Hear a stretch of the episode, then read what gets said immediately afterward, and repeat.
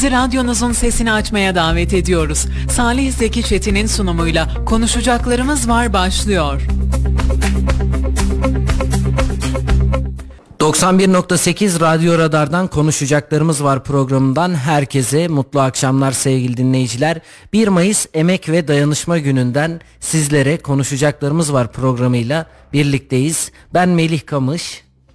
Ben Salih Zeki Çetin. Salih, seçimlerin, depremlerin ve biliyorsun bayramı da geride bıraktık. Artık sayılı günler kaldı. Mitinglerin olduğu bir haftadayız.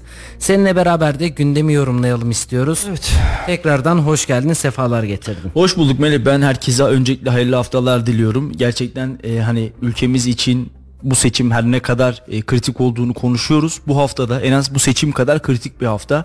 Çünkü e, hani böyle yarışlarda bir son düzlük olur ya herkesin böyle gaza bastığı, koşu temposunu arttırdığı, süratini en üst seviyeye çıkarttığı. Öyle zannediyorum ki bu haftada artık siyasi partiler ve adaylar da son gaz bir şekilde e, seçim namına ne yapılabiliyorsa onu yapmaya gayret gösterecekler. E, gerçekten zor ve meşakkatli bir yol. Bizler bu süre zarfında sahadayız. Anlık olarak sürekli bir şekilde adayları tanımaya ve adayları tanıtmaya, e, onların vaatlerini dinlemeye çalışıyoruz elimizden geldiğince. Tabi Kayseri bakıldığı zaman gerçekten sanayisiyle, ticaretiyle birçok noktada e, tarihin önemli şehirlerinden biri olduğu gibi günümüz Türkiye'si açısından da oldukça önemli bir şehir. Her ne kadar devlet yatırımlarından uzak kalmış olsa da bu güzel ve güzide şehrimiz yine de coğrafi konum olarak da, jeopolitik konum olarak da, ticaret ticaretsel konum olarak da Türkiye'nin önemli şehirlerinden bir tanesi. Ve siyasi parti liderleri de e, her lider, tüm adaylar ve tabii ki ülkemiz yönetmeye talip olan insanlar Kayseri'ye ciddi manada önem veriyor. Son zamanlarda e, zaten seçim arifesinde gelen liderlerin sıklığından da bunu anlıyoruz. Geçtiğimiz hafta Meral Akşener'i ağırladık. E, Fatih Erbakan'ı ağırladık. Sayın Kemal Kılıçdaroğlu'nu ağırladık. Ali Babacan'ı ağırladık. Temel Karamollaoğlu'nu ağırladık. Sayın Mansur Yavaş'ı bir haftada iki kez ağırladık. Önümüzdeki hafta baktığımız zaman Sayın Cumhurbaşkanımız Recep Tayyip Erdoğan'ı ağırlayacağız. Bu cumartesi günü Kayseri'ye gelecek kendisi. Biraz sonra konuşacağız gerçi ama. Ee, bunun yanında Muharrem İnce gelecek. Önümüzdeki hafta yine kendisi Kayseri'de olacak. Gerçekten siyasi liderlerin de bu ara böyle Kayseri'ye gel- gelmesi sıklaşmışken vaatleri de birer birer ardı arkası kesilmeyecek şekilde bekliyoruz.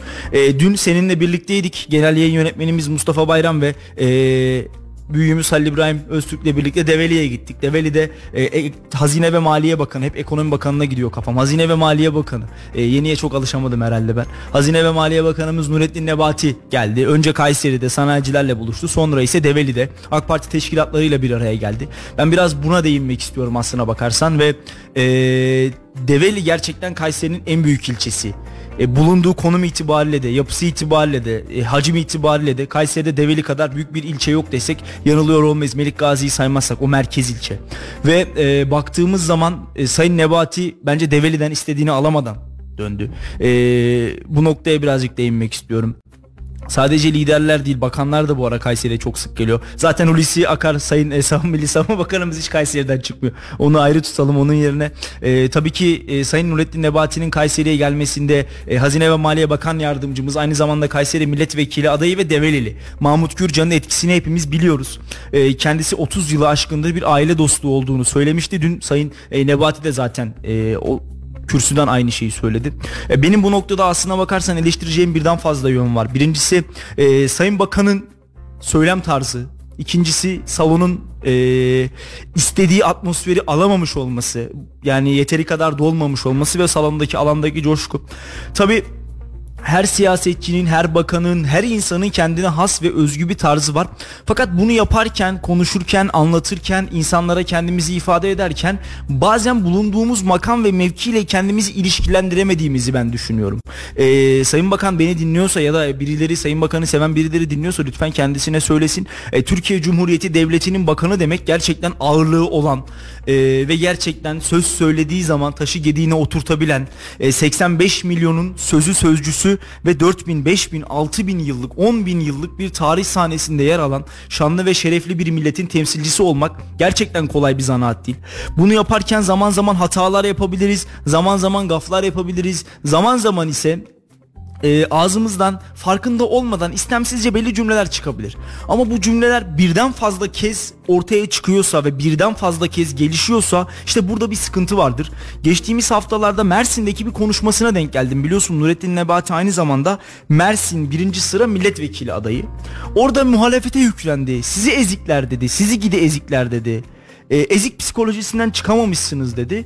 E, ben onu dinlediğimde bugüne kadar hiç eleştirmemiştim kendisini. Belki bir anlık gafletle, belki olağan ve anın atmosferiyle, belki de bir dalgınlıkla söylemiş olabileceğini düşünmüştüm. Fakat dün Develi'de de buna benzer cümleler kurdu muhalefete. Sizi gidi ezikler sizi dedi. Siz ezik kalmaya devam edeceksiniz dedi. Nerede söyledi bunu? TOG'u anlattı. İHA'yı anlattı, SİHA'yı anlattı, Bayraktar'ı anlattı ve doğalgazın Karadeniz'den çıkartılarak Türk mühendisler tarafından bizim vatandaşımıza ücretsiz olarak verildiğinden bahsetti. Zaten buraya kadar hiçbir problem yok. Yani iktidar yaptıklarını anlatmakla mükellef zaten. Ve bizler vatandaş olarak, kamuoyu olarak onların yaptıklarını dinlemekle ve iktidarın vaatlerini dinlemekle mükellefiz. Fakat bir şeyleri söylerken, bir şeyleri yaparken karşımızdakini bazen es geçiyoruz, bazen atlıyoruz. Bazen kendi makamımızı es geçiyoruz Melih. Bir bakan kim olursa olsun karşısındaki insana sizi gide ezikler. Siz ezik psikolojisinden zaten çıkamamışsınız. Ezik gibisiniz ifadelerini bence kullanmamalı. Bu karşıdakinin çok iyi olduğu için, karşıdakinin eleştirilmez olduğu için, karşıdakinin hatasız olduğu için filan değil. Söylediklerim lütfen yanlış anlaşılmasın ama bakan yani bir Türkiye Cumhuriyeti gibi büyük ve şanlı bir devletin bakanı kendi söylediği sözün ağırlığını taşıyabilmeli bence. Muhalefete yüklenmeli mi? Yüklenmeli. Yaptıklarını anlatmalı mı? Anlatmalı. Vaatlerini sıralamalı mı? Sıralamalı. Ama her ne olursa olsun karşıdakine bel altı vuracak, hakaret edecek ya da sokak ağzıyla konuşacak bir şekilde yaklaşmamalı bence. Bu muhalefet için de geçerli. Net olarak söylüyorum. Bu muhalefet için de geçerli. Ha muhalefetin ki biraz daha su götürebiliyor. Niye bir görevi yok? Yani muhalefet. Zaten muhalefet. Bir diğer tarafta ise seçilmiş değil, henüz atanmış ve devletin yani Yüce Türk Devleti'nin bir partinin değil. Biz bir parti devleti değiliz. Ama bizim ülke olarak da en büyük yanılgımız şu anda şu. Bak ben 1996 yılında doğdum ve AK Parti iktidara geldiğinde ben 7 yaşındaydım, 6 yaşındaydım. Ben ömrü hayatımda farklı bir iktidar nedir görmedim. Farklı bir iktidar nedir bilmedim. Hayatım boyunca şu anda yaşam standartlarımı hangi kurallar ve koşullarda sağlıyorsam bunların büyük bir kısmı AK Parti'nin aldığı kararlar ya da almadığı kararlar çerçevesinde yaşıyoruz. Ben bunu anlatırken hep şu örneği veriyorum. Örneğin kapalı alanda, otobüslerde, uçaklarda, araçlarda, kafelerde sigara içilmemesi kuralı AK Parti ile birlikte hayatımıza geldi ve biz bu kural doğrultusunda yaşıyoruz. Bu ve buna benzer birçok kural aslında hayatımızda var. Ve biz hükümet ile devleti özdeşleşmiş olarak Türkiye'de görüyoruz. Bu aslına bakarsan AK Parti gibi uzun dönem iktidarlarının en büyük düştüğü yanılgı ve biz vatandaşların en çok aldığı mesaj. Yani ben ve benim yaşımda olan birçok insan AK Parti'den başka bir iktidar görmedi. Recep Tayyip Erdoğan'dan başka bir devlet yöneticisi, bir e, yönetici, bir lider görmedi. Ve şu anda gerçekten insanların kafasında Türkiye Cumhuriyeti Devleti denildiği zaman akla gelen figürlerin arasında Sayın Cumhurbaşkanı'nı görüyoruz. AK Parti'yi görüyoruz ve beraberinde getirdiği kabine üyelerini görüyoruz. Geçmiş yıllarda e, bakanlık yapmış, milletvekilliği yapmış isimleri görüyoruz. Bundan dolayı bir bakanın muhalefete bu şekilde yüklenmesi çok akla mantığa sığmıyor. Ha eğer bu şekilde sözler sarf edecekseniz Türkiye Cumhuriyeti Bakanlığı sıfatını bir kenara koyacaksınız. Diyeceksiniz ki ben AK Parti birinci sıra milletvekili adayıyım diyeceksiniz. O zaman bu söyledikleriniz su götürür. Ama yok sizler devletin eliyle oraya gelip bakanlık sıfatıyla birilerini eleştirecekseniz bu eleştiriniz muhalefet olmayacak. Bu eleştiriniz rakipleriniz olmayacak ancak ve ancak ülkemizin içeride ve dışarıda mücadele ettiği terör örgütleri olabilir. Ekonomi Bakanısınız ülkemizin içeride ve dışarıda dolarla, Türk lirasıyla parametrik olarak oynamak isteyen mihraklar olabilir. Piyasada mücadele ettiğiniz argümanlar olabilir ya da fahiş fiyatla mücadele ettiğiniz fırsatçılar olabilir. Eğer devletin bakanıysanız devletin çıkarlarını gözeterek hareket edeceksiniz. Ama üzülerek söylüyorum bizim ülkemizde hükümet ve devlet olgusu o kadar bir araya geldi, o kadar bir araya girdi ki Artık muhalefet de iktidar da bu iki olguyu birbirinden ayırmakta zaman zaman zorluk çekiyor. Bizler de bunun halk olarak ceremesini çekiyoruz. Ama dün Develi'de ben daha büyük bir kalabalık, daha coşkulu bir kalabalık beklerdim. Çünkü Develi Kayseri'nin en kalabalık ilçelerinden bir tanesi tekrar söylüyorum. En büyük, en gelişmiş ilçesi bence. Ama dönüp baktığımızda ki merkez ilçeleri saymıyorum. Koca Sinan, Talas, Melikgazi yanlış anlamasın. Ama dönüp baktığımızda bir bakan, bir bakan yardımcısı gelmiş. Yani e, Sayın Mahmut Gürcan da halihazırda bakan yardımcısı. Sayın Nebati gibi. Bunun yanında bir eski il başkanı ve milletvekili adayı Şaban Bey gelmiş. Bir de yeni il başkanı Fatih Bey gelmiş ve teşkilat orada. Ama 300-400 kişilik bir salon tam manasıyla dolmamış. Burada bir sıkıntı, bir soru işareti var. Yani bakan memnun ayrılmadı bence. En azından benim gözlemim bu. Salon çok büyük bir salon gibi değil. Değil. Yani merkeze baktığımızda Kadir Has gibi bir salon değil. Yok yok öyle bir Daha salon çok değil. minimal ve tiyatro salonu gibi nitelendirdiğimiz salonlardan bir tanesiydi. Yani eee, şöyle söyleyeyim sana Kayseri'de bir okul bir lisenin konferans salonu gibi büyüklükte bir salon. Hani oranın ağzı beraber dolup hınca şarkılarla türkülerle bakan gelmiş seçim havası bir de aday iki tane de aday var yanında seçim atmosferi falan böyle geçilmesi gerekiyordu bana kalırsa. Bilmiyorum sen nasıl gördün nasıl değerlendirirsin?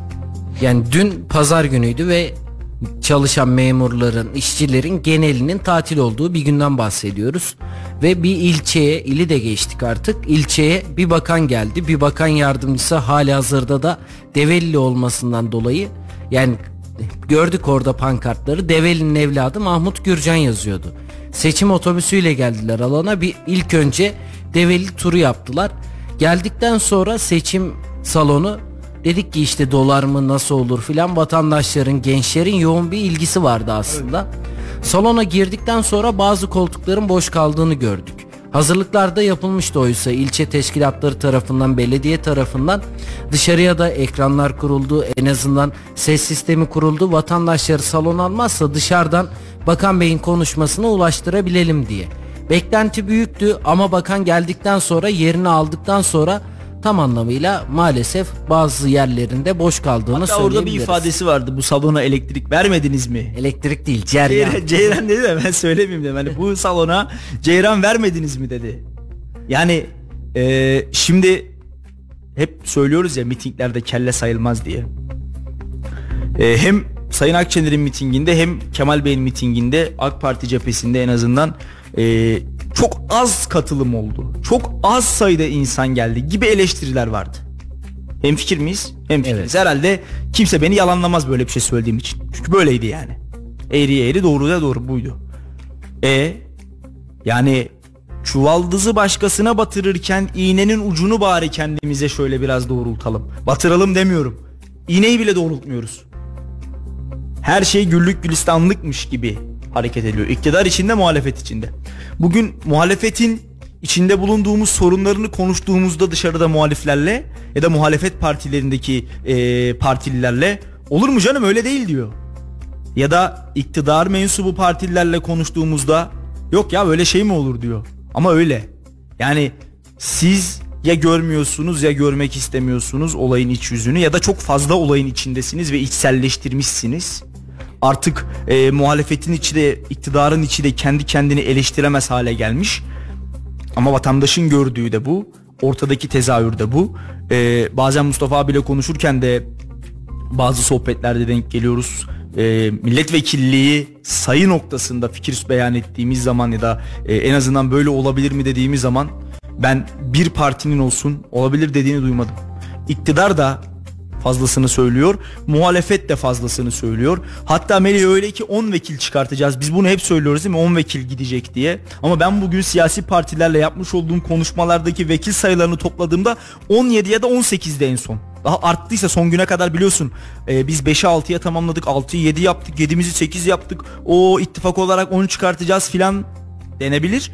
E, ama geçtiğimiz günlerde son partilerle yani atıyorum işte Millet İttifakı, Cumhur İttifakı ve diğer partilerle yaptığım konuşmada işte bizim altımız, bizim üçümüz, bizim ikimiz garanti diye topladığımda 17-18'i buluyordu vekil sayısı. Biz 10 tane vekil çıkartacağız. Yani bu demek oluyor ki herkes iki katından ağzını açıyor. Ama iktidar da olsa muhalefet de olsa e, son sözü söyleyecek seçim anketlerinin gerçeğini yapacak olan yine bu vatandaş. 14 Mayıs sabahı geldiğinde bir hakkımız, bir söz hakkımız var. Gidip onu kullanacağız. Eğrisiyle, doğrusuyla, yanlışıyla onu kullanacağız. Her birimiz kullanmalıyız. Ve ondan sonra bütün anketleri kaldırıp bir rafa koyacağız.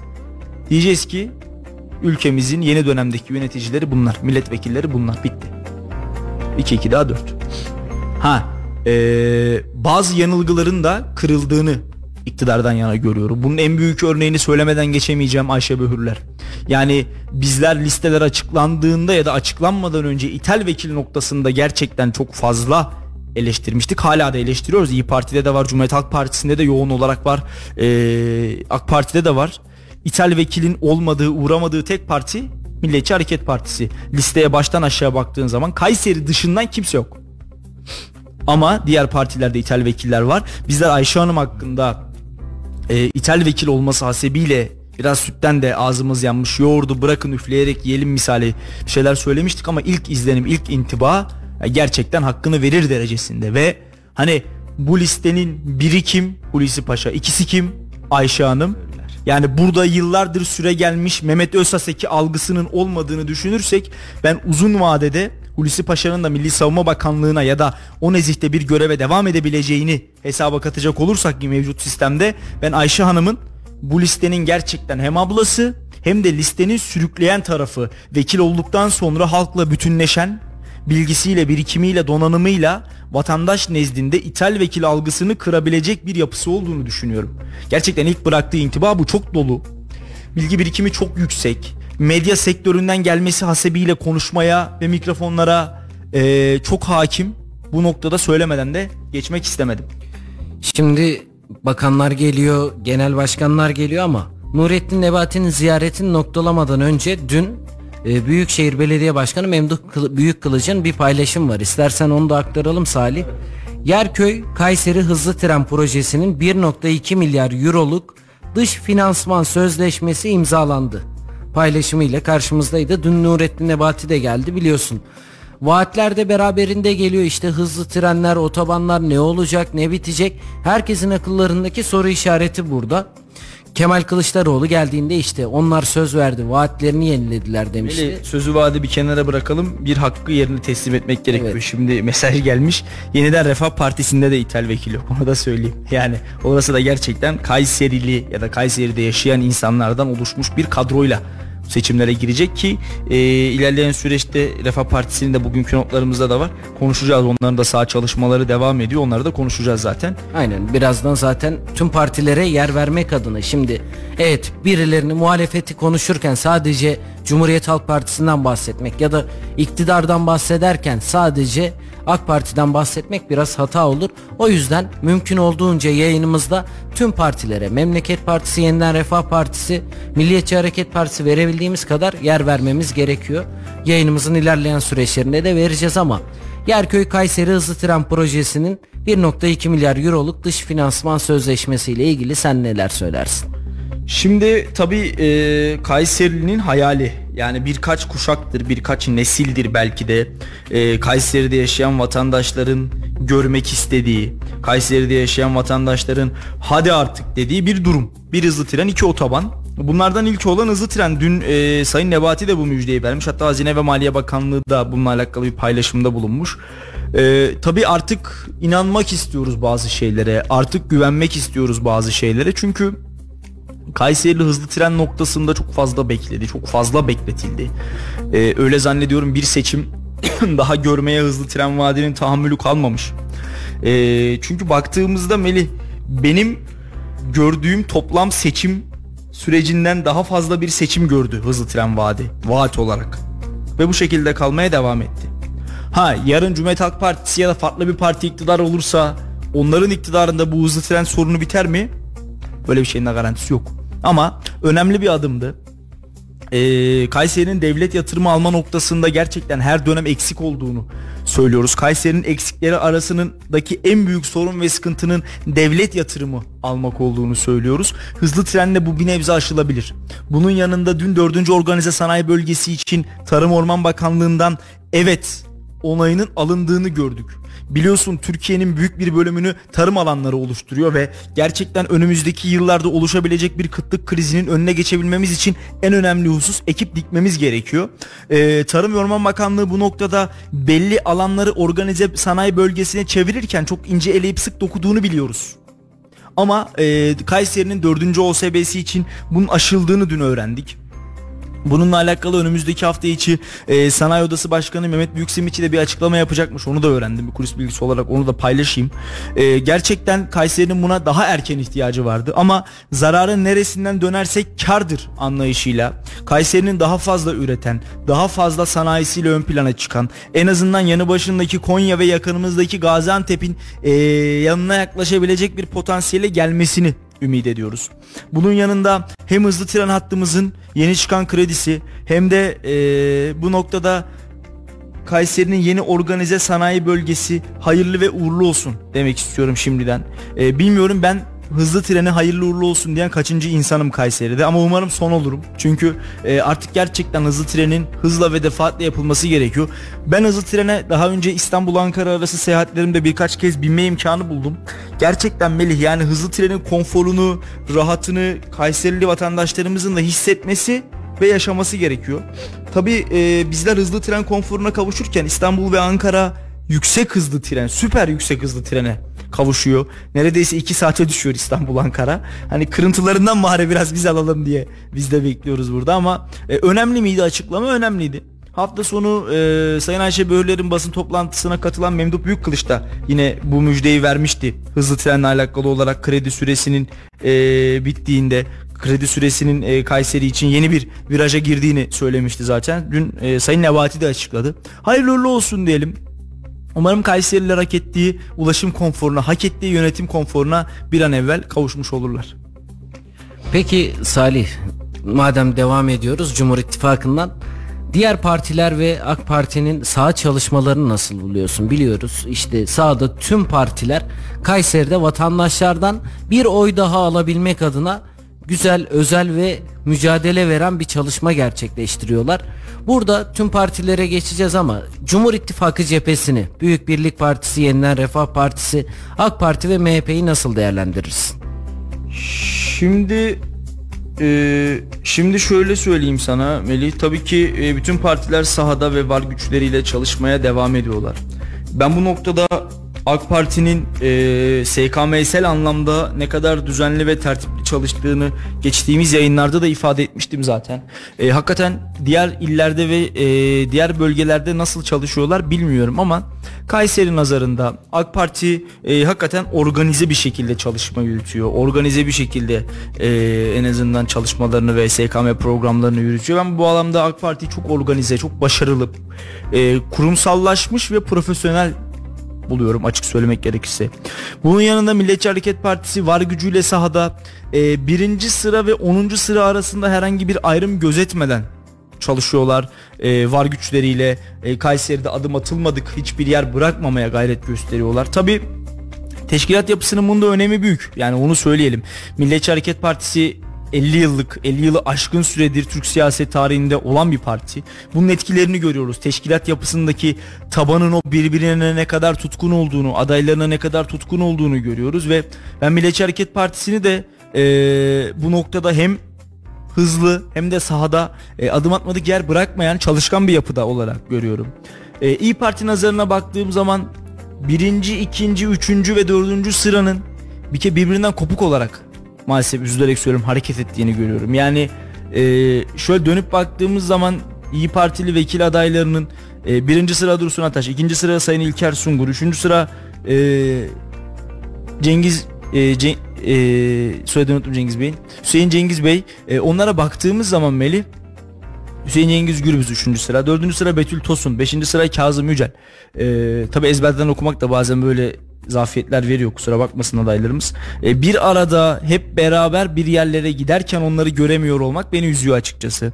E, bu noktada özellikle 3. sıra adayı çok hızlı bir giriş yaptı Hüseyin Cengiz Gürbüz ama şu an itibariyle sahada böyle çok fazla görüyorum desem yalan söylemiş olurum. E, ikinci sıra İlker Sungur'un çabası ve gayreti var. Yani hem dışarıdaki afişlerden hem alandaki e, hareket ve aksiyonundan görüyoruz ama maalesef diğer adayların çok fazla sahada olamadığını, olmadığını ya da görüyoruz. Tabi e, listede yapılan yanlışlar orada e, bana kalırsa sıralamalardaki hatalar şu an İyi Parti'nin e, Kayseri noktasında belirleyici sağ çalışmasını ya da sağ çalışmasının belirleyici sonuçlarını gözlerimizin önüne seriyor. Onu söyleyelim. Ee, yine bunun yanında Büyük Birlik Partisi'nde birinci sıra Hakan Satılmış'ın yoğun çabası ve gayreti olduğunu görüyoruz. O çalışıyor. Ama tabii ki alt sıralardaki isimleri çok fazla göremiyoruz. Ee, yeniden Refah Partisi'ne bir parantez açalım. Ee, birinci sırası da beşinci sırası da e, bir gayret içerisinde hakikaten çalışıyor. Yani e, Selçuklu Mahalle Muhtarı aynı zamanda e, vekil adayı Murat Bey var mesela Murat Yılmaz. E, ben bakıyorum hani alt sıralarda orta sıralarda olmasına rağmen bir emek bir çaba var. Arabası sürekli e, seçim standının önünde duruyor ve sürekli bir esnaf ziyareti. Aynı şekilde Önder Bey, Önder Narin keza ayrı artı parantez açacak olursak vatandaşlarla sohbet ediyor ve onlarla bir diyalog halinde. Ee, Yeni Refah Partisi de tabii ki hem geçmişten gelen bir teşkilatçılık yapısı hem de e, yıllara sahip bir fikir partisi olmasının en önemli artılarını kullanıyor diyebilirim Melih sana. E, çünkü gerçekten teşkilat yapısına baktığımız zaman e, vekil adaylarını yalnız bırakmayan, e, genel başkan geldiği zaman tek vücut olabilen, kendi içerisinde e, küslüğü, kırgınlığı, kızgınlığı olsa bile sahada tek vücut bir şekilde hareket edebilen bir yapıda parti olarak görüyorum. Dedim ki bunun da en büyük artısının teşkilat yapısına bağlıyorum. E, bizler aylar önce e, Yeniden Refah Partisi'nin ikinci olan büyük kongresi için Ankara'ya gittiğimizde salondaki coşkuyu görmüş ve orada onu anlatmıştık. O dönem dönemde hem e, genel yayın yönetmenimiz Mustafa Bayram hem de ben aynı şeyi söylemiştik ve bir hafta boyunca bunu Kayseri konuşmuştu aşağı yukarı.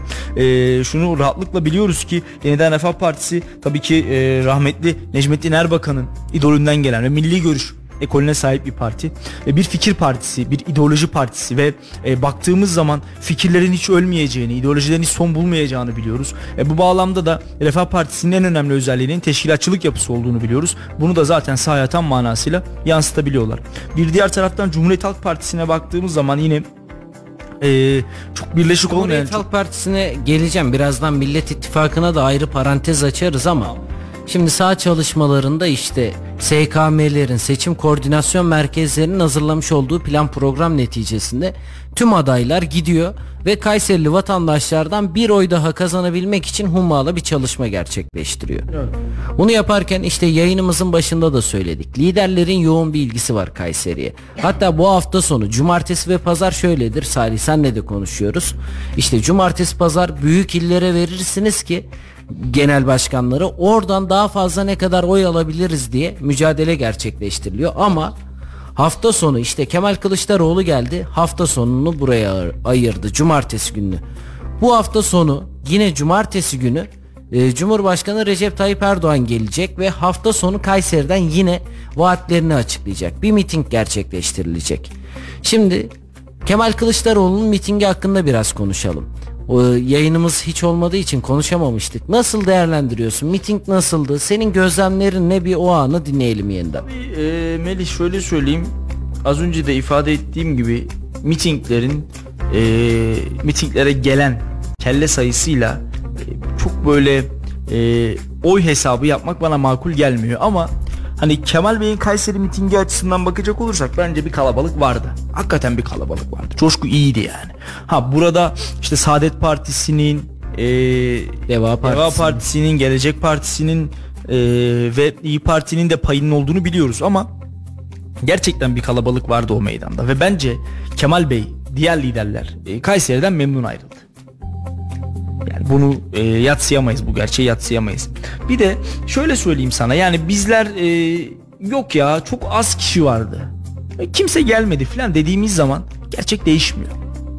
Bunu söyleyeyim yani çünkü e, doğru bir tane değil mi? Hepimizin doğrusu bir tane. Ve işte şu anda radyoda biz konuşuyoruz. 91.8 frekansındayız. Dinleyicilerimiz radyonun farklı bir frekansına geçtiği zaman bizler burada susmuyoruz. Konuşmaya devam ediyoruz aslında gerçeği gizleyemeyiz, gerçeği saklayamayız. Gerçekten bu bağlamda Kemal Bey'in e, ben Kayseri'den memnun, mutlu ve e, keyif alarak ayrıldığını düşünüyorum. Bu zaten sahaya da yansıdı bu enerji. Gerçekten Kayseri, Kayseri'deki vatandaşlar da biraz böyle soğuk havaya ve hafif atıştıran yağmura rağmen e, Kemal Bey'e bir ilgi göstermişlerdi. Tabi bu ilginin ve teveccühün en büyük etkeninin de şu anda 13. Cumhurbaşkanlığı için e, aday olmasına bağlıyorum. Ve bunun yanında insanlar merak ettiler. Yani Kemal Bey ne söyleyecek? Çünkü Cumhuriyet Halk Partisi ve beraberindeki 6 partinin e, altılı masanın ortak adayıydı Kemal Kılıçdaroğlu ve, ve vatandaş ne söyleyeceğini merak ediyor. Ki şu anda anketlerde neredeyse Sayın Cumhurbaşkanı ile başa baş çıkan hatta bazı anket firmalarında Sayın Cumhurbaşkanı'ndan önde çıkan bir isim. Bu sebeple bence oradaki kalabalık e, yeterliydi. Ama oradaki kalabalıktan da ziyade bizim canlı yayınımızdan bile izleyen binler vardı. Yani o gün seninle birlikte takip ettik. Neredeyse 1800-1900 kişi sadece Instagram yayınında anlık izliyordu. E, bizim gibi yayın yapan Sözcü TV, KRT TV, e, yine televizyon mecra, kanalları. televizyon kanalları da yine aynı şekilde oradaydı ve hani gerçekten televizyonlardan, sosyal medyadan takip eden, izleyen insanları da hesaba katarsak Kemal Bey memnun ayrıldığını düşünüyorum. İzmir mitinginden de memnun ayrılmıştır mesela. Yani e, bir rüzgar var. Yok diyemeyiz. Ve e, bu da tabii ki sahaya yansıyor. Vatandaşların coşkusuna yansıyor. Liderlerin konuşmasına yansıyor. Vatandaşların teveccühü ne olursa olsun liderin konuşmasını da etkiliyor. Konuşurken daha özgüvenliydi. Ben Kemal Bey'in 2018 yılında geldiğindeki mitingi de hatırlıyorum. Ya da e, daha farklı aralarda geldiği süreci de hatırlıyorum. Kemal Bey hiç olmadığı kadar özgüvenli, hiç olmadığı kadar dikti. Çünkü arkasına bir güç var. Yani kabul edelim etmeyelim şu anda bir teveccüh var. Bu hani büyük şehirlerde İstanbul, İzmir, Ankara'da ya da yanı başımızdaki diğer şehirlerde nasıl bilmiyorum. Ama Kayseri'de Cumhuriyet Halk Partisi'nin işte %10, %15 bir oyu vardı ya. Bu şu anda katladı. Birazcık daha üstüne koydu. Bir de diğer partilerin birleşmesini hesaba kattığımızda ve bir de bir tepki oyu oluştu. İster istemez iktidara bir tepki oyu oluştu. Bunları görmezden gelemeyiz. Bunları e, ciddi manada söylemeden edemeyiz. Ama Kemal Bey'in mitinginde ben gerçekten kalabalık bir insan kitlesi. Yani olabilecek maksimum buydu. Ha şöyle söyleyeyim. Tayyip Bey ile kıyaslayacak olursak üçte biri kadardı. E Zaten Cumhuriyet Halk Partisi'nin oyu AK Parti'nin yanında dörtte bir beşte bir Kayseri'de. En azından son seçimde öyleydi. Yani yüzde altmışları bulan bir AK Parti'nin karşısında yüzde on ikilerde on üçlerde bir CHP var. E Zaten 5 katı 6 katı. Yani mitinge gelen insan sayısını Tayyip Bey ile Kemal Bey'i kıyaslıyoruz hadi o dersek yanılıyor oluruz. savunuyorum Salih bu konuda yani mitinge evet katılma oranları illaki önemli ama yani seçim mitinge katılan insanların e, hesabıyla seçimlerdeki sonuçları göremeyiz. O yüzden evet miting yapılacak orada meydanda bulunuyorsa bir vatandaş gelecek diyecek ya lider gelmiş en azından ne din, e, ne anlatıyor bir kulak vereyim diyecek gelecek anlatacak vaatlerini sunacak ama mitinge şu kadar kişi katıldı işte buna göre oy oranını şöyle çarpabiliriz. Bu yanlış bir şey olur. Ya kelle hesabıyla şey hesaplayamayız. Aynen ki. öyle. Ben örnek veriyorum sana 2018 seçimlerinde e, Meral Hanım da geldi. Muharrem Bey de geldi. Tayyip Bey de geldi. Hep aynı şeyi söylüyoruz ama e, Muharrem Bey mitingi tüm mitinglerden kalabalıktı. Hepsinden kalabalık. Tayyip Erdoğan kazandı. Ve ben hepsine bir vatandaş olarak o dönem çalışmıyordum. e, Öğrenciydim. Hepsine gittim. Tüm liderlere gittim. Şimdi ben hem Meral Hanım'ın mitinginde bir sayıldım. Hem Tayyip Bey'in mitinginde bir sayıldım. Hem Muharrem İnce'nin mitinginde bir sayıldım. Dönüp baktığımızda böyle. Bu, böyle olan insanlar da var. Ya, oy vermeyecek ya da dinlemek için gelen, merak ettiği için gelen insanlar da var. Mitinge gelen herkes oy verecek. Ya böyle bir dünya yok. Herkesin bir oyu var. Ben kendimden pay biçiyorum. Tüm mitinglere gittim 2018 yılında. Ama bir tane oy kullanabildim. O sebeple eee mitingleri bir kıstas almayalım. Dünkü CHP'nin İzmir mitingi. Yani çok kalabalıktı. Gündoğdu meydanına yine atsanız yere düşmezdi. AK Parti'nin Ankara mitingi çok kalabalıktı. Gerçekten çok kalabalıktı. Hani öyle Kayseri'nin meydanını doldurur bir kalabalık falan değil. Kat ve kat fazlası. Kat ve kat. Çünkü bu şehirler Kayseri'nin 5 katı, 6 katı, 10 katı şehirler. E sonuç 15 Mayıs'ta. 14 Mayıs 14 akşamı. Mayıs'ın akşamında belli olacak sonuç. Evet. Peki miting olduktan sonra Millet İttifakı cephesinde sağ çalışmaları nasıl gidiyor Salih? Hızlandı bence. Onlara da bir özgüven geldi. Ee, ciddi manada etki etti. Yani genel başkanlarının ve cumhurbaşkanı adaylarının Kayseri'ye gelmesi. Burada da bir teveccüh görmesi bence onların da hem hoşuna gitti hem özgüven getirdi. E, sahada daha fazla görmeye başladık. Yani hem birinci sıra adayı Aşkın Gence hem ikinci sıra adayı Mahmut Arıkan'ı hem üçüncü sıra adayı Bahadır Özsoy'u hem onuncu sıra adayı Niyazi Ünalmış'ı daha fazla sahada görmeye başladık. E, görmeliyiz de bence yani bugün değilse ne zaman? Yani bugün çalışmayacaklarsa ne zaman çalışacaklar? Bugün anlatmayacaklarsa ne zaman anlatacaklar? Tabii Millet İttifakı'nda çok fazla paydaş var. Cumhuriyet Halk Partisi, Gelecek, Saadet, Deva, İyi Parti falan hakikaten çok fazla paydaş var. Ee, Geleceğin bir tane adayı, Deva'nın bir tane adayı, Saadet'in bir tane adayı, Cumhuriyet Halk Partisi'nin e, 7 tane adayı, İyi Parti'nin ise 10 tane adayı bulunuyor. Ee, aday bazlı gidiyorlar yani çok birlik beraberlik içinde çalışıyorlar desem böyle bir şey yok. Cumhur İttifakı'nda da öyle bir şey yok zaten. Yani MHP ve AK Parti birlikte çalışmıyor. Ama e, partisel bazda çalışıyorlar. E, Cumhur İttifakı biraz daha derli toplu çalışıyor. Cumhur İttifakı biraz daha kurumsal, biraz daha nitelikli çalışıyor. SKM'leri daha iyi çalışıyor, bayağı iyi çalışıyor. Yani Cumhuriyet Halk Partisi'nin SKM'si mi, AK Parti'nin SKM'si mi de şöyle baktığımda diyorsun ki evet. Hani AK Parti'nin SKM'sinin gerçekten yani seçim koordinasyon merkezinin gerçekten e, bir kurumsallık ve nitelik bakımından daha iyi gittiğini çok net görebiliyorsun. Cumhur İttifakı'nın Kayseri'de e, gerçekten daha e, kurumsal çalıştığını görebiliyorsun. Bilmiyorum belki İstanbul'da, İzmir'de, Ankara'da Millet İttifakı'nın teşkilatlarının daha kalabalık olduğu yerlerde durum belki biraz daha farklıdır ama bizim Kayseri tabanında gördüğümüz en azından bu.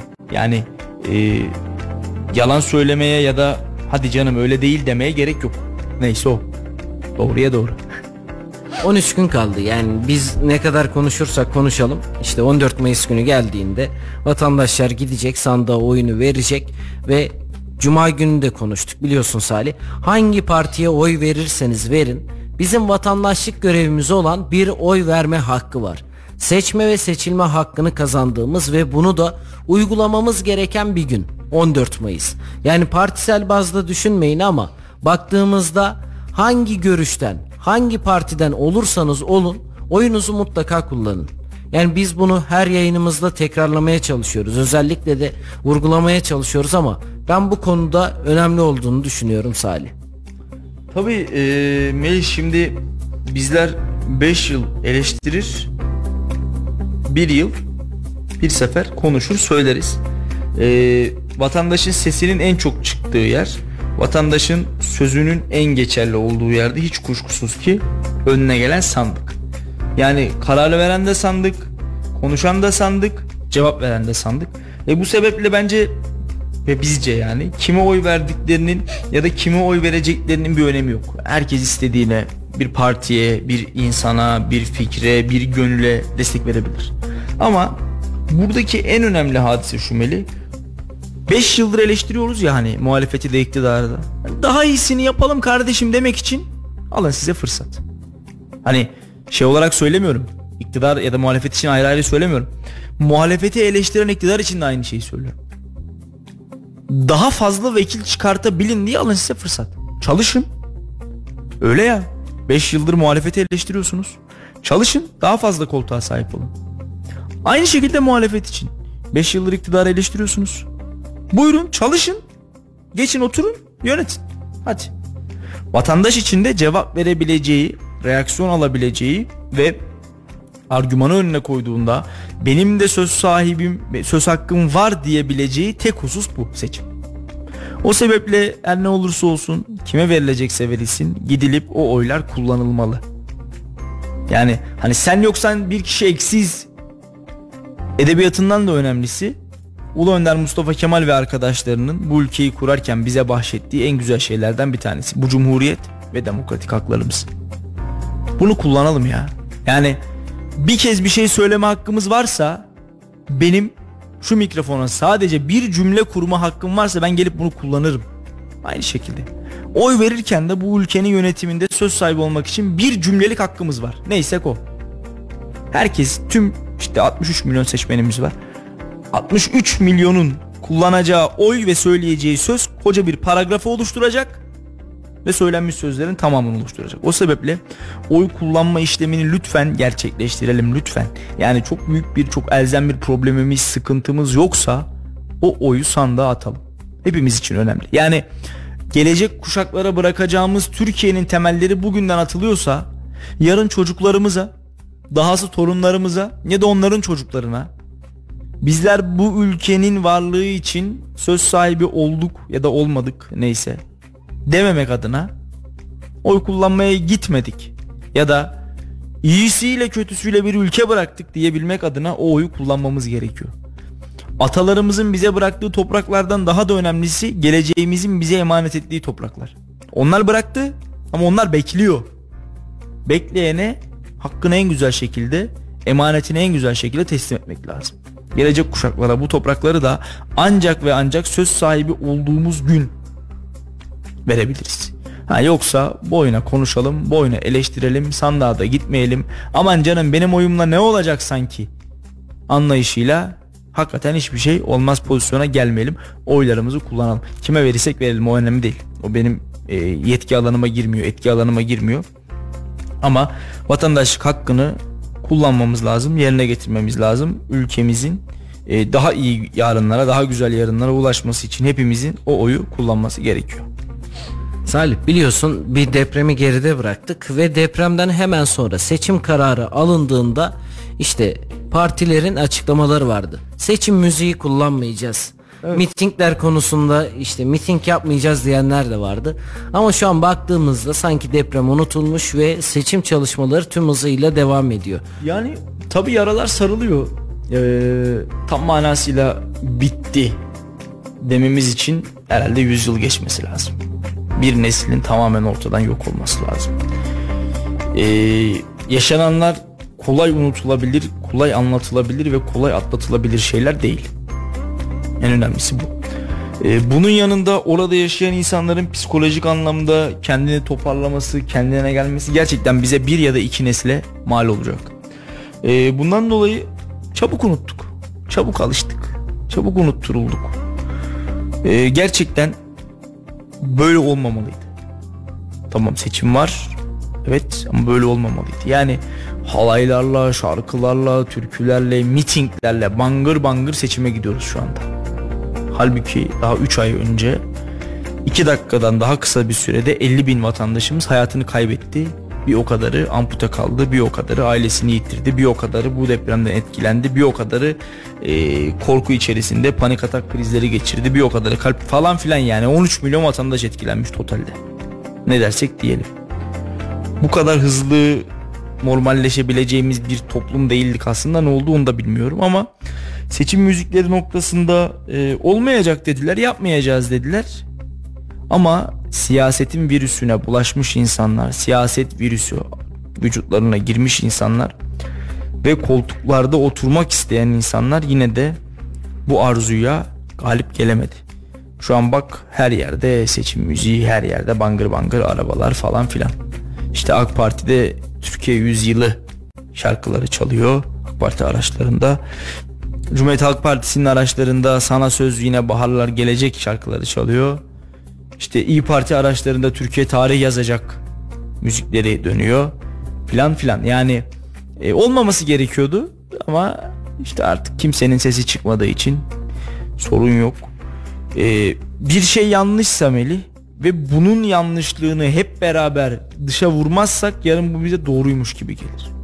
Önemli bir adam bir yalan söyler ve buna yarın kendisi de inanırsa o gün o şey artık yalan değildir. En azından insanlar için. Buna benzedik birazcık. Yani her şey olduğu gibi buna da alıştık. Buna da alıştırıldık. Bunu da unuttuk. Bunu da unutturduk. Hatırlıyorsun deprem haftası. Meral Akşener masadan bir kalktı. Bütün televizyonların ve ana akım medyanın özellikle gündemi siyasete döndü. Ya insanların cesetleri hala enkaz altındayken bile bizler Meral Hanım altılı masadan mı kalktı masaya mı oturdu tartışmalarının göbeğinde bulduk kendimizi. Bu sebeple olmaması gerekiyordu yine oldu. Yapılmaması gerekiyordu yine yapıldı. Ne diyelim kaldı 13 gün ee, seçim müzikleriyle depremin gölgesinde bir e, oy kullanma işlemini gerçekleştireceğiz ama müzik miting hususunda verilen sözlerin hiçbiri tutulmadı. Peki seçimi bir kenara bırakalım. Biliyorsun bugün 1 Mayıs Emek ve Dayanışma Günü. Evet. Salih ayrı bir parantez açmak gerekiyor. İşçiler, emekçiler yani ülkemizin her alanında Hepimiz bunun için mücadele ediyoruz. 1 Mayıs'la ilgili senin de düşüncelerini alalım istersen. Evet, e, işçinin, emekçinin e, aynı Peygamber Efendimizin ifade ettiği, buyurduğu gibi e, hakkı alın teri kurumadan alması, işte hakkını, emeğini, çabasını e, gerçekten e, alın teri kurumadan alması çok önemli. Bugün de hani işçinin ve emekçinin bir bayramı yok mu? Var işte bugün. Yani şöyle bakıyorsun işçinin bayramı olur mu? Oluyor ama işçi o gün yine çalışıyor. yani bugün gidelim fabrikalarda yine işçilerimizin çalıştığını, emekçilerimizin ter döktüğünü görebiliriz. Ee, Sayın Cumhurbaşkanı bugün bir müjde açıklayacaktı. Öyle zannediyorum. O müjde henüz açıklanmadı. Ben de onu bekliyorum. İşçilerle alakalı bir şeyler söyleyecekti. Henüz daha söylenmedi. Ee, ama alın terini, emeğini bizlerden, ürünlerden, ekmek parası için ortaya koyduğu için, ortaya koyduğu her ne varsa ondan esirgemeyen bütün emekçilerin e, günü kutlu olsun. Söyleyeceklerim bu. Yani baktığımızda emekçilerle bugün biliyorsun işte Mahmut Bey'in misafiriydik. Orada kendisinin de açıklamaları vardı işçilerle ilgili. 1 Mayıs'ta her 1 Mayıs'ta bir tane işçinin emekçinin sorununu çözsek yıllar boyunca çok fazla sorunu çözmüş olabiliriz ifadelerini kullanmıştı. Evet. Yani bu gerçekten önemli bir netice. En azından belirli bir gün var. Evet. Emek ve Dayanışma Günü olarak 1 Mayıs'ta devam ediyor ama bugünü özel kılacak şey aslında sadece bir günlük tatille onların aileleriyle vakit geçirmesinden ziyade onların yaşadığı sorunlara derman olabilmek, çözüm bulabilmek çok daha önemli ve bu ülkemizin her kesiminde böyle. Salih baktığımız zaman yani sorunlar var mı? Sorunlar var. Biter mi? Sorunlar hiçbir zaman bitmez. İnsanlık tarihinin varoluşundan beri devam eden Bugün bu sorunu çözersiniz. Yarın farklı bir sorun olur. Onu çözmeye devam edersiniz. O yüzden işçinin, emekçinin de hakkı gerçekten ülkemiz için çok büyük. İşte her yayınımızda diyoruz. Üretime dayalı olursa bir şeyler yaparsak, ülkemizi kalkındırabilirsek çok güzel olur. Ama bunları nasıl yapacağız? İşte emekçilerin gücüyle yapacağız.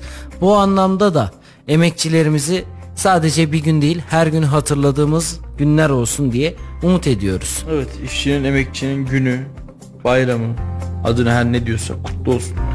E, bir gün değil umarım her gün aynı duygu düşüncelerde kalabiliriz. Onu da söyleyeyim yani. Bizler çünkü böyle özel günlerde bazı şeyleri hatırlayıp geri kalan 364 gün 6 saat içerisinde bir daha adımı, adını bile ağzımıza anmıyoruz. Evet Biliyorsun şu an İstanbul'da Teknofest gerçekleştiriliyor. Çok kısa ona da parantez açalım. Çünkü ülke gündeminde de Teknofest geniş bir yer buluyor. Ben Teknofest'ten önce e, AK Parti sözcüsü Ömer Çelik'in açıklamasına değinmek istiyorum. E, ne demiş Ömer Bey? Çok ilginç bir çok ilginç bir tespit. Tespitte bulunmuş. Yani gerçekten ilginç bir tespitte bulunmuş. Demiş ki açıklamayı arıyorum. Tam ya, yanlış bir şey söylemeyeyim diye. Evet ben. Sen de mi onu arıyorsun? Evet ben de bakayım. Evet demiş ki bunların amacı Recep Tayyip Erdoğan'ı AK Parti'yi Cumhur İttifakı'nı göndermek. Yani ee, bazen durup düşündüğümüzde acaba şaka mı yapıyor? Yani herhalde böyle bir açıklama yapmış olamaz diye düşündüm ama yapmış. Yani baya baya böyle bir şey gerçekten söylemiş. E, AK Parti'nin de ya da Cumhur İttifakı'nda tek amacı Millet İttifakı'ndan ziyade tekrar iktidar olmak, tekrar koltuğa oturmak. O zaman ben de böyle bir tespit yapayım. Yani bu tespiti bir partinin sözcüsü yapabiliyorsa helal olsun. Yani ilkokul çocuklarının yapabileceği bir açıklama. Talihsizce buldum.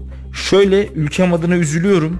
İktidar partisinin sözcüsü yani çok basit bir ifade ya. Hani eleştiri değil bir şey değil. Bunların tek amacı AK Parti'yi Recep Tayyip Erdoğan'ı Cumhur İttifakı'nı göndermek. E zaten seçime giriyorsun yani. Adamın başka bir amacı olsa niye gelsin ki? Bu açıklamanın maksadını hakikaten anlamadım. Geçtiğimiz hafta Nurettin Nebati'nin açıklaması vardı. Koyun eti açıklaması. Koyun eti açıklaması ile benzer bir açıklama olmuş aslında. Yani söyleme baktığımızda farklı bir açıklama. Yani gaflar olacak, doğru sözler olacak, söylemler olacak, vaatler olacak. Yani farklı farklı söylemlerle karşıya gelebileceğiz ama yani benim tek istediğim parti liderlerinden özellikle üst tabakadan bürokratlardan istediğim şey olur Salih. Toplum çok fazla kutuplaştı. Artık daha fazla kutuplaştırmadan sahaya indiğimizde eşimiz, dostumuz, konumuz, komşumuz kim varsa farklı bir görüşe sahip olabilir. Farklı bir partinin mensubu olabilir. Onları yadırgamayarak onların düşüncelerine saygı gösterip bu toplumda farklılıklarımız bizim güzelliklerimizdir diyebildiğimiz nice günler görelim. Çünkü 14 Mayıs gecesi bittiğinde 15 Mayıs'a uyandığımızda yeniden birlik beraberlik içerisinde bir topluma günaydın diyeceğiz. Bir güne başlayacağız ve bu günlerde de bizler söylemlerimizi ne kadar sert yaparsak biz en alt tabakadaki insanlar, vatandaşlar olarak biz daha çok söylemlerimizi sertleştiriyoruz. Kutuplaşmaya ihtiyacımız yok artık. Zaten çok fazla kutuplaşmış bir milletin içindeyiz. İşte görüşü, görünüşüyle, düşünceleriyle yadırgamayalım ya. Yani çok fazla bir şey yapmamıza gerek yok belki. Bir el sıkıştığımızda, bir tebessüm ettiğimizde, bir insana tanıştığımızda partisini sormayalım mesela. Ya da bir işe girerken hangi partilisin diye sorulup mülakattan öyle geçilmesin insanlar. Yani bunlara dikkat edersek bizim farklılıklarımız illaki var. Olacak. Takımımızda olacak, partimizde olacak, farklı özelliklerimizde olacak. Yani bunları artık hiçe sayıp insanlarla birlik beraberlik içerisinde yaşayabildiğimiz toplumla yaşayalım. Ya e, Melih biz farklılıklarımızla varız biz e, farklılıklarımızla buradayız ama tabi baktığımız zaman o kadar çok kutuplaşmış o kadar çok kutuplaştırılmışız ki e, birçok noktada hani partiyi sormadan işte siyasi fikrini sormadan hareket edemiyoruz. İşte bizden değil mi acaba ya da bizden mi acaba ne yapacağız yani e, siz AK Partiliyseniz ve bir insan AK Parti'ye gönül vermişse e, ona bakış açınız değişecek mi? Kötü insanlar bir anda iyi mi olacak ya da iyi insanlar bir anda kötü mü olacak? Ya bu anlayışları bence bir kenara bırakmak gerekiyor. E, Ay Türk bayrağımızın altında huzur içinde, mutluluk içinde yaşayabiliyorsak bence geri kalan çok noktaya takılmaya gerek yok. Yani paydamız, amacımız, şeklimiz, şemalimiz bu ülkenin bölünmez bütünlüğüyse şayet Geri kalan kısmın çok da bir önemi yok. Ha e, bu ülke topraklarının bölünmez bütünlüğüne kastedecek bir söylemde bir harekette bulunuyorsak terör iltisaklı bir e, şekle şemale bürünüyorsak tam orada bir sıkıntı var zaten. Onu onlara hariç tutuyorum. Ama onun dışında hani dediğim gibi bu kadar çok ayrışmaya, bu kadar çok ayrıştırılmaya bence çok gerek yok ya. Seçim arifesindeyiz özellikle yakınlarımızla, komşularımızla, arkadaşlarımızla mümkün olduğunca siyasi tartışmalardan uzak e, atlatabilirsek bu süreci herhalde bizden iyisi olmaz. Bir genç olarak son programımıza da yavaş yavaş sonuna gelirken Teknofest işte Milli Teknoloji Hamlesi adını verdiğimiz evet. ve her yıl gençlerimizin orada hünerlerini sergilediği, yaptığı çalışmaları sergilediği önemli bir projeden bahsediyoruz Teknofest'te. Evet. Bugün de Cumhurbaşkanı Erdoğan oradaydı. Liderler oraya gidiyor ve Teknofest'te gençlerle buluşuyor. Onların yaptığı çalışmaları inceliyor. Teknofest bence ülkemiz için çok önemli gelişmelerden bir tanesi Salih. Bugün de Milli Muharip uçağımızın adı Kaan oldu. Hı hı. Bu da yine Teknofest'te sergilenmeye devam ediyor. Evet. Teknofest'i bir genç olarak sen nasıl değerlendiriyorsun? Şöyle başlayayım sözlerime. E, Türk çocuğu atalarını tanıdıkça daha büyük işler yapmak için kendinde kuvvet bulacaktır. Bu Gazi Mustafa Kemal Atatürk'ün en güzel sözlerinden bir tanesi bence. Ee, şimdi Teknofest bizim için çok önemli. Hepimiz için çok önemli. Bizden sonraki kuşaklar için daha da önemli. İşte uzay teknolojilerinde, savunma sanayinde, e, milli savunmada var mıyız? Fazlasıyla varız. Burada mıyız? Buradayız. Teknofest bunun en güzel cevabı. E, oradan yetiştirilen öğrenciler, oradan yetiştirilen bu ülkenin genç beyinleri yıllar boyu bu topraklara hizmet etmek için varlar. Bu noktada hem İHA'larımız hem SİHA'larımız hem elektrikli araçlarımız hem insansız hava araçlarımız gerçekten Türk milletinin gelişiminde ve bizim sanayimizin gelişiminde oldukça önemli bir rol oynuyor. E sen de biliyorsun özellikle sınır ötesi operasyonlarda artık askerimizin oraya gitmesine gerek bile kalmadan tek tuşla insansız hava araçlarımızı teröristlerin üzerine gönderiyor. Onları inlerine dahi imha edip geri geliyoruz. Ee, çok önemli buluyorum çünkü ülkemizin artık globalleşen bir dünyada e, dünyanın tek bir köy adeta bir köy haline geldiği bir e, şekilde bizim ülkemizin de teknoloji hamlelerinde varız demesi çok önemli. Sadece milli savunma açısından değil, rutin hayatımızda, gündelik hayatımızda kullandığımız cep telefonlarından bilgisayarlara kadar kendi teknolojilerimizin var olması ve bu teknolojiler ışığında biz de burada dünya sahnesinde varız diyebilmeyi tüm dünyaya gösterebilmemiz hepimiz için hayati önem taşıyor. Teknofest'te emeği geçen öğrenci kardeşlerime, emekçi, hakikaten onların yetişmesinde büyük çaba ve gayret sarf eden öğretmenlerimize, onlara bu imkanı sağlayan büyük Türk devletine, onlara bu imkanı tanıyan e, devlet adamlarımıza ayrı teşekkür ediyorum. Umarım önümüzdeki yıllarda Teknofest ya da Teknofestlerden e, dünyada adından söz ettirecek nice büyük isimler, nice büyük eserler çıkartacağız. Buna inancım da tam, güvenim de tam. E, Teknofest'i önemli ve değerli buluyorum. Geliştirilmesi gereken bir yer olarak buluyorum. E, Koca Sinan Belediye'mizin yaptığı Koca Fest'ten de geçtiğimiz yıl çok önemli ve değerli eserlerin çıktığını özellikle İHA ve SİHA alanında çok önemli eserlerin çıktığını görmüştük. E, gelişelim, geliştirelim. Savunma sanayinde ve e, teknoloji hamlelerinde ülkemizin de biz buradayız dediğini bir kez daha görelim. E, bu arada bir müjde vereyim. Tarihini tam olarak bilmemekle birlikte TOG'un CEO'sunun da Kayseri'ye geleceği bilgisini aldım. Burada gençlikle buluşacakmış. Ben de gerçekten o buluşmayı heyecanla ve merakla bekliyorum. Sana da teşekkür ediyorum programda eşlik ettiğin için. Evet 91.8 Radyo Radar'da konuşacaklarımız var programında. Bugün de Salih Zeki Çetin'le birlikte sizlere günü gündemi değerlendirmeyi hem ulusaldan hem de Kayseri'de neler oluyor aktarmaya çalıştık. Bize eşlik ettiğiniz için, bize vakit ayırdığınız için her birinize ayrı ayrı teşekkür ediyoruz. Yarın yine aynı saatte görüşünceye dek hoş kalın, hoşça kalın efendim. Salih Zeki Çetin'in sunumuyla konuşacaklarımız var sona erdi.